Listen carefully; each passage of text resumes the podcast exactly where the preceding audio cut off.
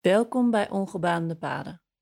Ik ben Anne en in deze podcast neem ik je mee op mijn hike over de Pacific Crest Trail in Noord-Amerika. Dat is een lange afstandspad van Canada tot Mexico. En in deze eerste reeks loop ik in enkele maanden van Canada tot in Noord-Californië, zo'n 1800 kilometer. In elke aflevering deel ik mijn avonturen, persoonlijke uitdagingen, gevoelens en inzichten met je, al wandelend over de trail. Reis mee over ongebaande paden, op avontuur in de wildernis en in jezelf.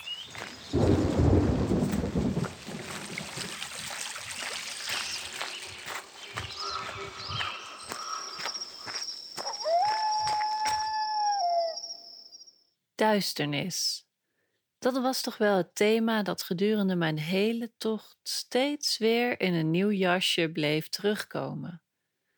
Wat eerst het alleen kamperen in het donker was, werd daarna het alleen hiken door donker en weer later het zogenaamde cowboy camping, in mijn eentje onder de blote sterrenhemel slapen.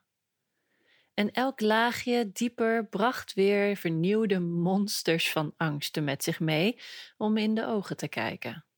Wat is dat toch, dat die afwezigheid van zonlicht ineens je hele beleving van een plek op zijn kop kan gooien en van je hersenen ineens een onhandelbaar fantasiebeest maakt?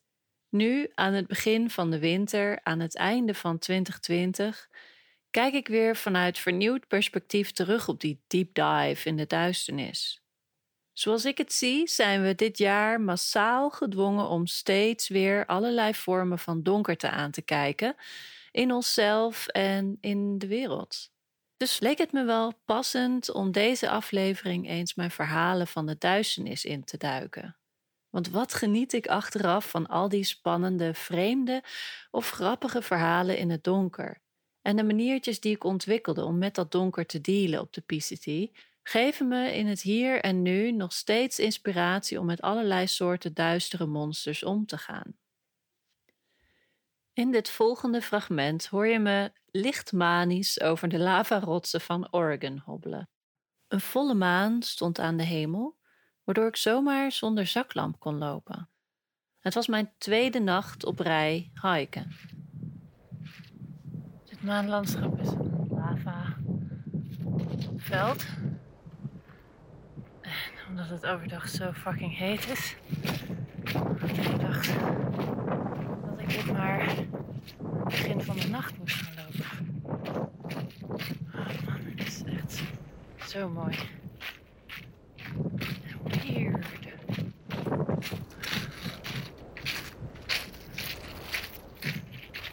Het loopt ook echt ongelooflijk moeilijk.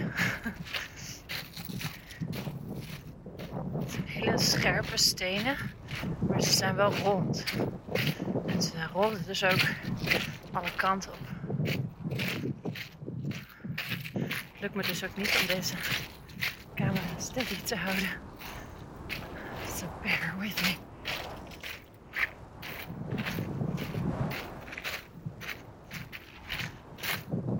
Het is echt een soort mars. Kijk het.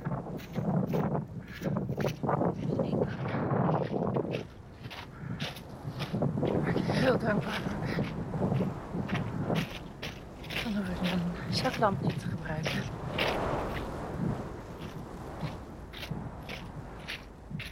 Geen idee of je op camera kan zien hoe fucking mooi dit is. Maar ik hoop van wel. Ik hoop dat je ziet dat dit echt super magisch is. Ah, een. Ja, ik moet waarschijnlijk even doorlopen. Want het duurt heel lang op deze manier. Je moet voor elke stap moet je concentreren.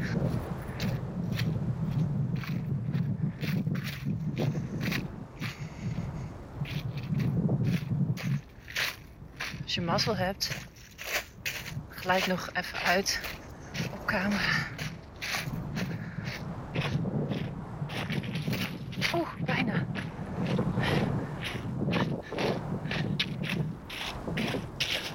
Oké, genoeg.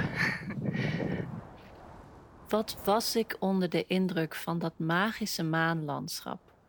De onherbergzame heuvels van oranje-rode lavastenen waar niets op groeide, met silhouetten van vulkanische bergen aan de horizon, donker afstekend tegen een gradient van donkerblauw naar paars naar lichtroze, met een volle maan en ontelbare sterren aan de hemel omdat ik steeds maar treuzelde om dit bizarre spektakel in me op te nemen en het steeds tevergeefs op camera probeerde vast te leggen, werd het ongemerkt donkerder en donkerder.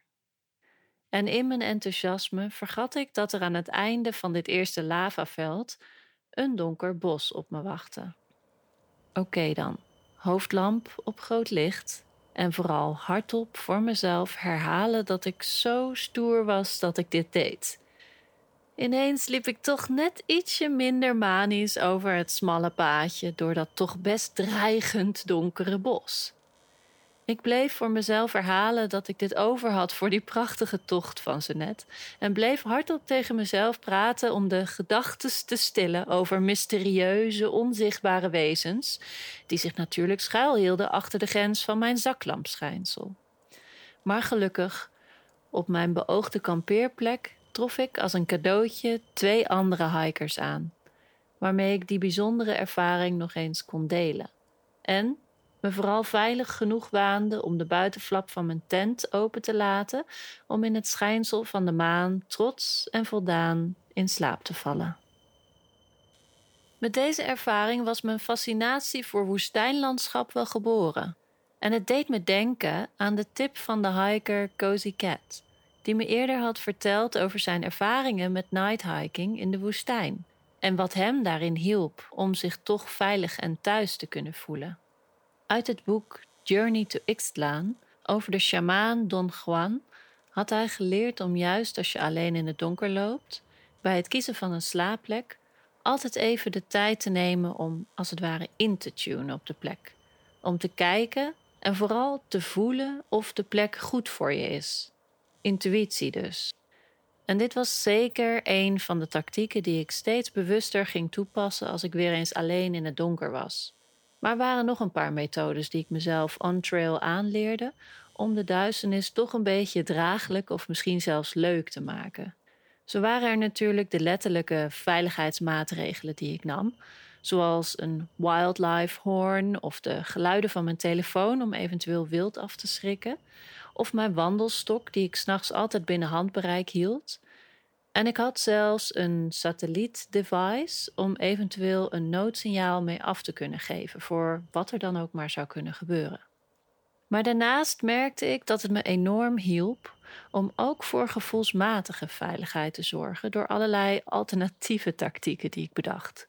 Bijvoorbeeld, als ik aankwam, probeerde ik letterlijk en figuurlijk mijn territorium voor de nacht te zetten door de omgeving wat te verkennen, hardop te praten en zingen en soms zelfs even, een beetje asociaal, een muziekje op de speaker van mijn telefoon aan te zetten. Alles om energetisch mijn eigen ruimte in te nemen en even een beetje te landen op de plek. Ook had ik een steen bij me als een mascotte om me te helpen mijn gevoel van kracht en vertrouwen te vergroten als het even weg was. Maar ik wil je graag meenemen in twee spannende verhalen, waarin ik zelf eigenlijk verrast werd door de creatieve manieren waarop je intuïtie het heft soms kan overnemen in situaties van potentieel gevaar. Het is tijd voor kampvuurverhalen.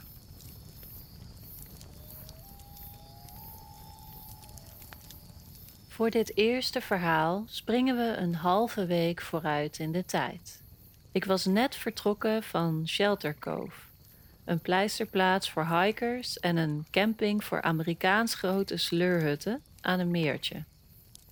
En omdat ik daar bij het douchen voor het eerst in weken mijn magere, pezige hikerlichaam in de spiegel zag, was ik van schrik spontaan wat langer blijven hangen om toch nog wat extra calorieën tot me te nemen. En toen ik daar eindelijk vertrok, was het tegen het einde van de middag waardoor ik voor die dag nog maar een klein aantal uurtjes licht zou hebben. Toch besloot ik om te vertrekken, om alvast een klein aantal kilometers op weg te zijn, zodat ik in ieder geval zeker wist dat ik morgenochtend niet opnieuw door het ontbijt of wellicht ook de lunch verleid zou worden. Toen het na enkele uurtjes lopen begon te schemeren, was ik gelukkig al bijna bij mijn beoogde kampeerplek bij een idyllisch meertje. Ik liep die middag door een donker dennenbos en dat deed ik eigenlijk toch liever gewoon bij daglicht. Bij het meer aangekomen hoorde ik zware stemmen in de achtergrond. En dat is grappig, want voorafgaande aan deze tocht had ik mij ja, vaker zorgen gemaakt om onderweg misschien vreemde figuren tegen te komen, terwijl ik daar als vrouw alleen zou zijn. Maar grappig genoeg bleek die angst in al die weken nog geen enkele keer opgekomen te zijn. Er waren simpelweg zo weinig mensen dat ik eerder blij was om ze tegen te komen. En ze ook een gevoel van veiligheid gaven voor mijn angst voor wilde dieren of stille duisternis. En ook waren de enige mensen die op dit soort wilde paden tegenkwam, mensen die zelf ook bezig waren met hiken en dus wel andere dingen aan hun hoofd hadden dan jou lastigvallen. Maar wat ik mij dit keer niet gerealiseerd had, was dat ik nu, anders dan anders, dicht bij een weg en dus dicht bij de bewoonde wereld zou kamperen. En terwijl ik naar mijn beoogde plekje aan het meer liep, hoorde ik intimiderend gebulder aan mijn linkerkant. Ik keek opzij en zag daar zo'n twintig meter verderop twee mannen van middelbare leeftijd grijnzend naar me kijken. Verder was er niemand te bekennen. Ik werd verrast door een oud gevoel van ongemak in mijn maag, waarvan ik eigenlijk vergeten was dat het had bestaan. En in een split second ging door me heen om gewoon rechtsomkeer te maken en door te lopen naar een volgende plek. Maar voordat ik het wist, zag ik mezelf mijn tas neerleggen en liep ik naar het kampement van de heren toe. Er lagen allemaal lege en volle bierblikken en andere resten van een schijnbaar gezellig weekendje aan het meer. De mannen stonden bij elkaar, met elkaar te praten. Een van de heren was groot en breed, had een kaal hoofd en een intimiderend, loerende blik in mijn richting. De ander stond met zijn rug naar me toe, had halflang haar en droeg een houthakkershirt. Ik negeerde mijn initiële angst, zette mijn voeten stevig op de grond en stelde me met luide stem voor als een sociale buur die ook even zijn buren netjes gedag komt zeggen. En zodra ik mijn mond opendeed, draaide het houthakkershirt zich om en schoot in een soort hoeststuip, alsof hij schrok. En terwijl de kale man zijn kameraad dwingend vastpakte en hardhandig op de rug sloeg, richtte hij zich tot mij en praatte met zware stem over het gehoest heen. Het leek net alsof ik iets onderbroken had, wat niet voor andermans ogen bedoeld was. Want terwijl het houthakkershirt panisch bleef doorhoesten, bleef de kale man er dwingend overheen praten, terwijl hij zijn kameraad ongemakkelijk hard op de rug bleef slaan. Ik kan me vrij weinig van de inhoud van het gesprek herinneren, omdat vooral het beeld en de sfeer zo'n bizarre indruk op me maakten. Even later was ik weer terug bij mijn tent, nog steeds enigszins verward van wat ik zojuist gezien had. En op de achtergrond hoorde ik dat het hoesten ophield. Ik besloot dat ik er goed aan had gedaan om even kennis te maken en vulde mijn verdere avond met de gewoonlijke rituelen van tent opzetten, eten koken, routeplanning, plassen en slapen. Maar midden in de nacht werd ik opeens wakker. Het leek stil, maar er was een geluid in de buurt van mijn tent geweest. Ik zat stokstijf recht overeind met mijn wandelstok binnen handbereik. In de verte hoorde ik een mannenstem en ik zag het schijnsel van een zaklamp over mijn tent bewegen. De stem in de verte was de zware stem van de kale man, en ik hoorde hem commando's geven in deze richting. En even later hoorde ik daadwerkelijk geluiden, voetstappen, in de buurt en in de richting van mijn tent. Als bevroren zat ik daar met mijn hart in mijn keel. Een zaklampschijnsel bewoog steeds even over mijn tent heen, terwijl de voetstappen dichterbij kwamen. Op enkele meters van mijn tent kwamen de stappen tot stilstand. In een reflex zei ik iets hardop in het Nederlands, om in ieder geval maar niet over te komen als een stil, kwetsbaar slachtoffer. En op datzelfde moment hoorde ik in de achtergrond weer de commanderende stem, die de voetstappen dit keer blijkbaar in beweging brachten. En weg van mijn tent. En langzaam verdween het geluid in de richting van het wandelpad, waarna de echte stilte neerdaalde en ik shakend weer durfde te gaan liggen. Van een diepe slaap is het die nacht niet meer gekomen, maar niet eerder was ik zo blij om weer alleen te zijn.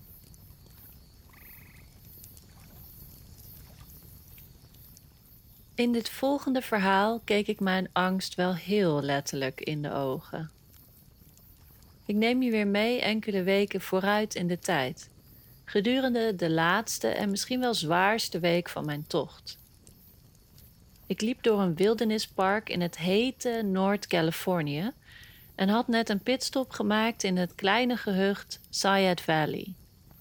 Ik was goed gevuld met American pancakes en milkshake en ik had een zware tas vol met eten voor een week.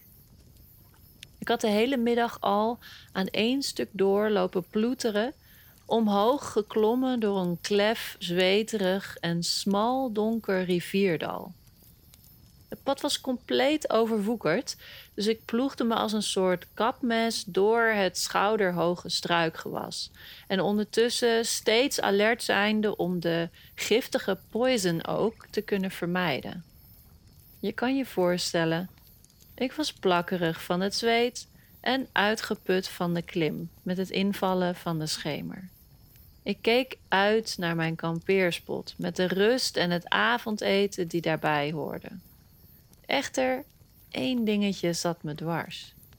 Ik had vanaf onderaan dit dal geen mens meer gezien.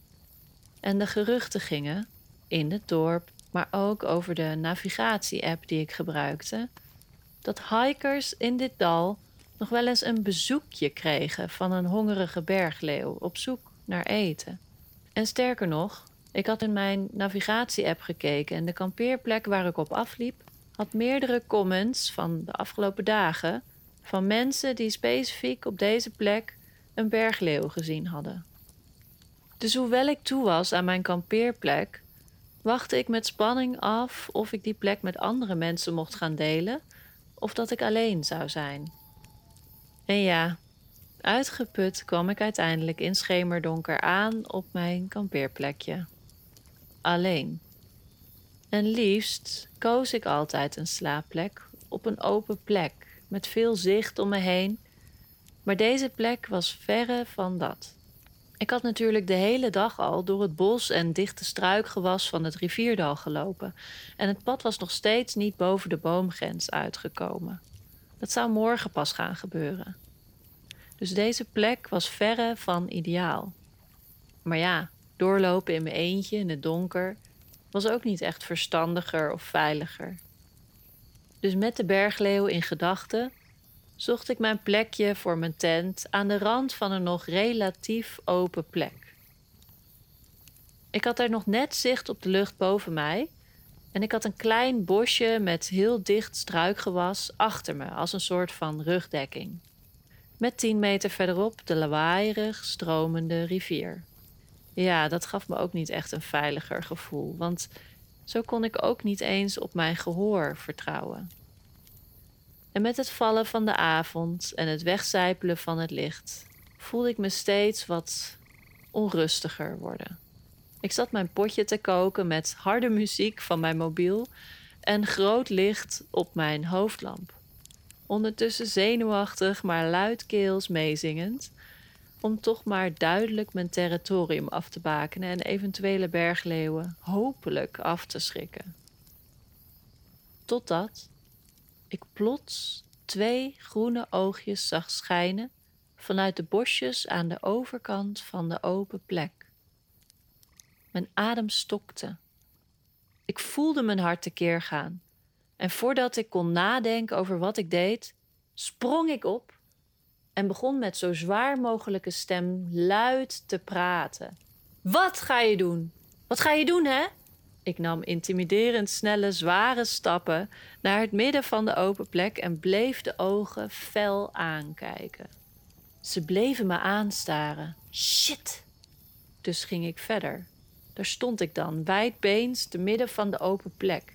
Ik spuugde twee keer met veel gerochel op de grond en vervolgens deed ik weer een paar snelle passen naar voren en riep: Wat denk je wel niet, hè? Wat ga je doen dan?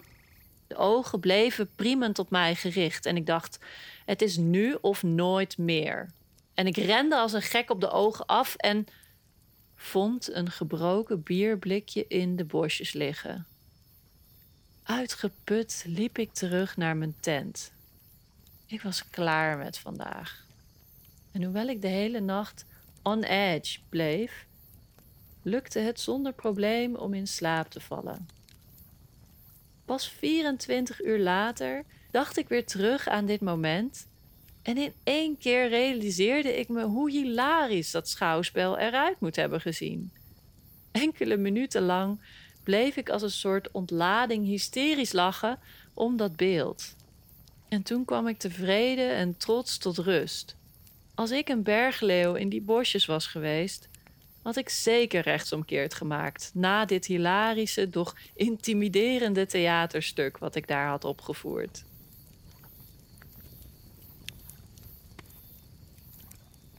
Hoe gek het misschien ook klinkt, op een bepaalde manier vond ik het heerlijk om dit soort bizarre dingen mee te maken. En ik moet bekennen, ik ben soms een beetje een avontuurjunkie. En ik vind het ook niet erg als mijn leven af en toe een soort melodramatische tragicomedie lijkt of zo. Maar er was nog iets. Want van tevoren was een van mijn belangrijkste intenties voor de tocht om mijn eigen duiveltjes in de ogen te kunnen kijken en dat was natuurlijk letterlijk wat hier gebeurde. En achteraf heeft me dat heel veel gebracht. Want omdat er op dat soort momenten niemand anders was, moest ik wel op mezelf en op mijn intuïtie leren vertrouwen. En ik leerde een bepaalde overgave aan de natuur en aan de onvoorspelbaarheid van situaties. En aan wat mijn intuïtie daarmee zou gaan doen.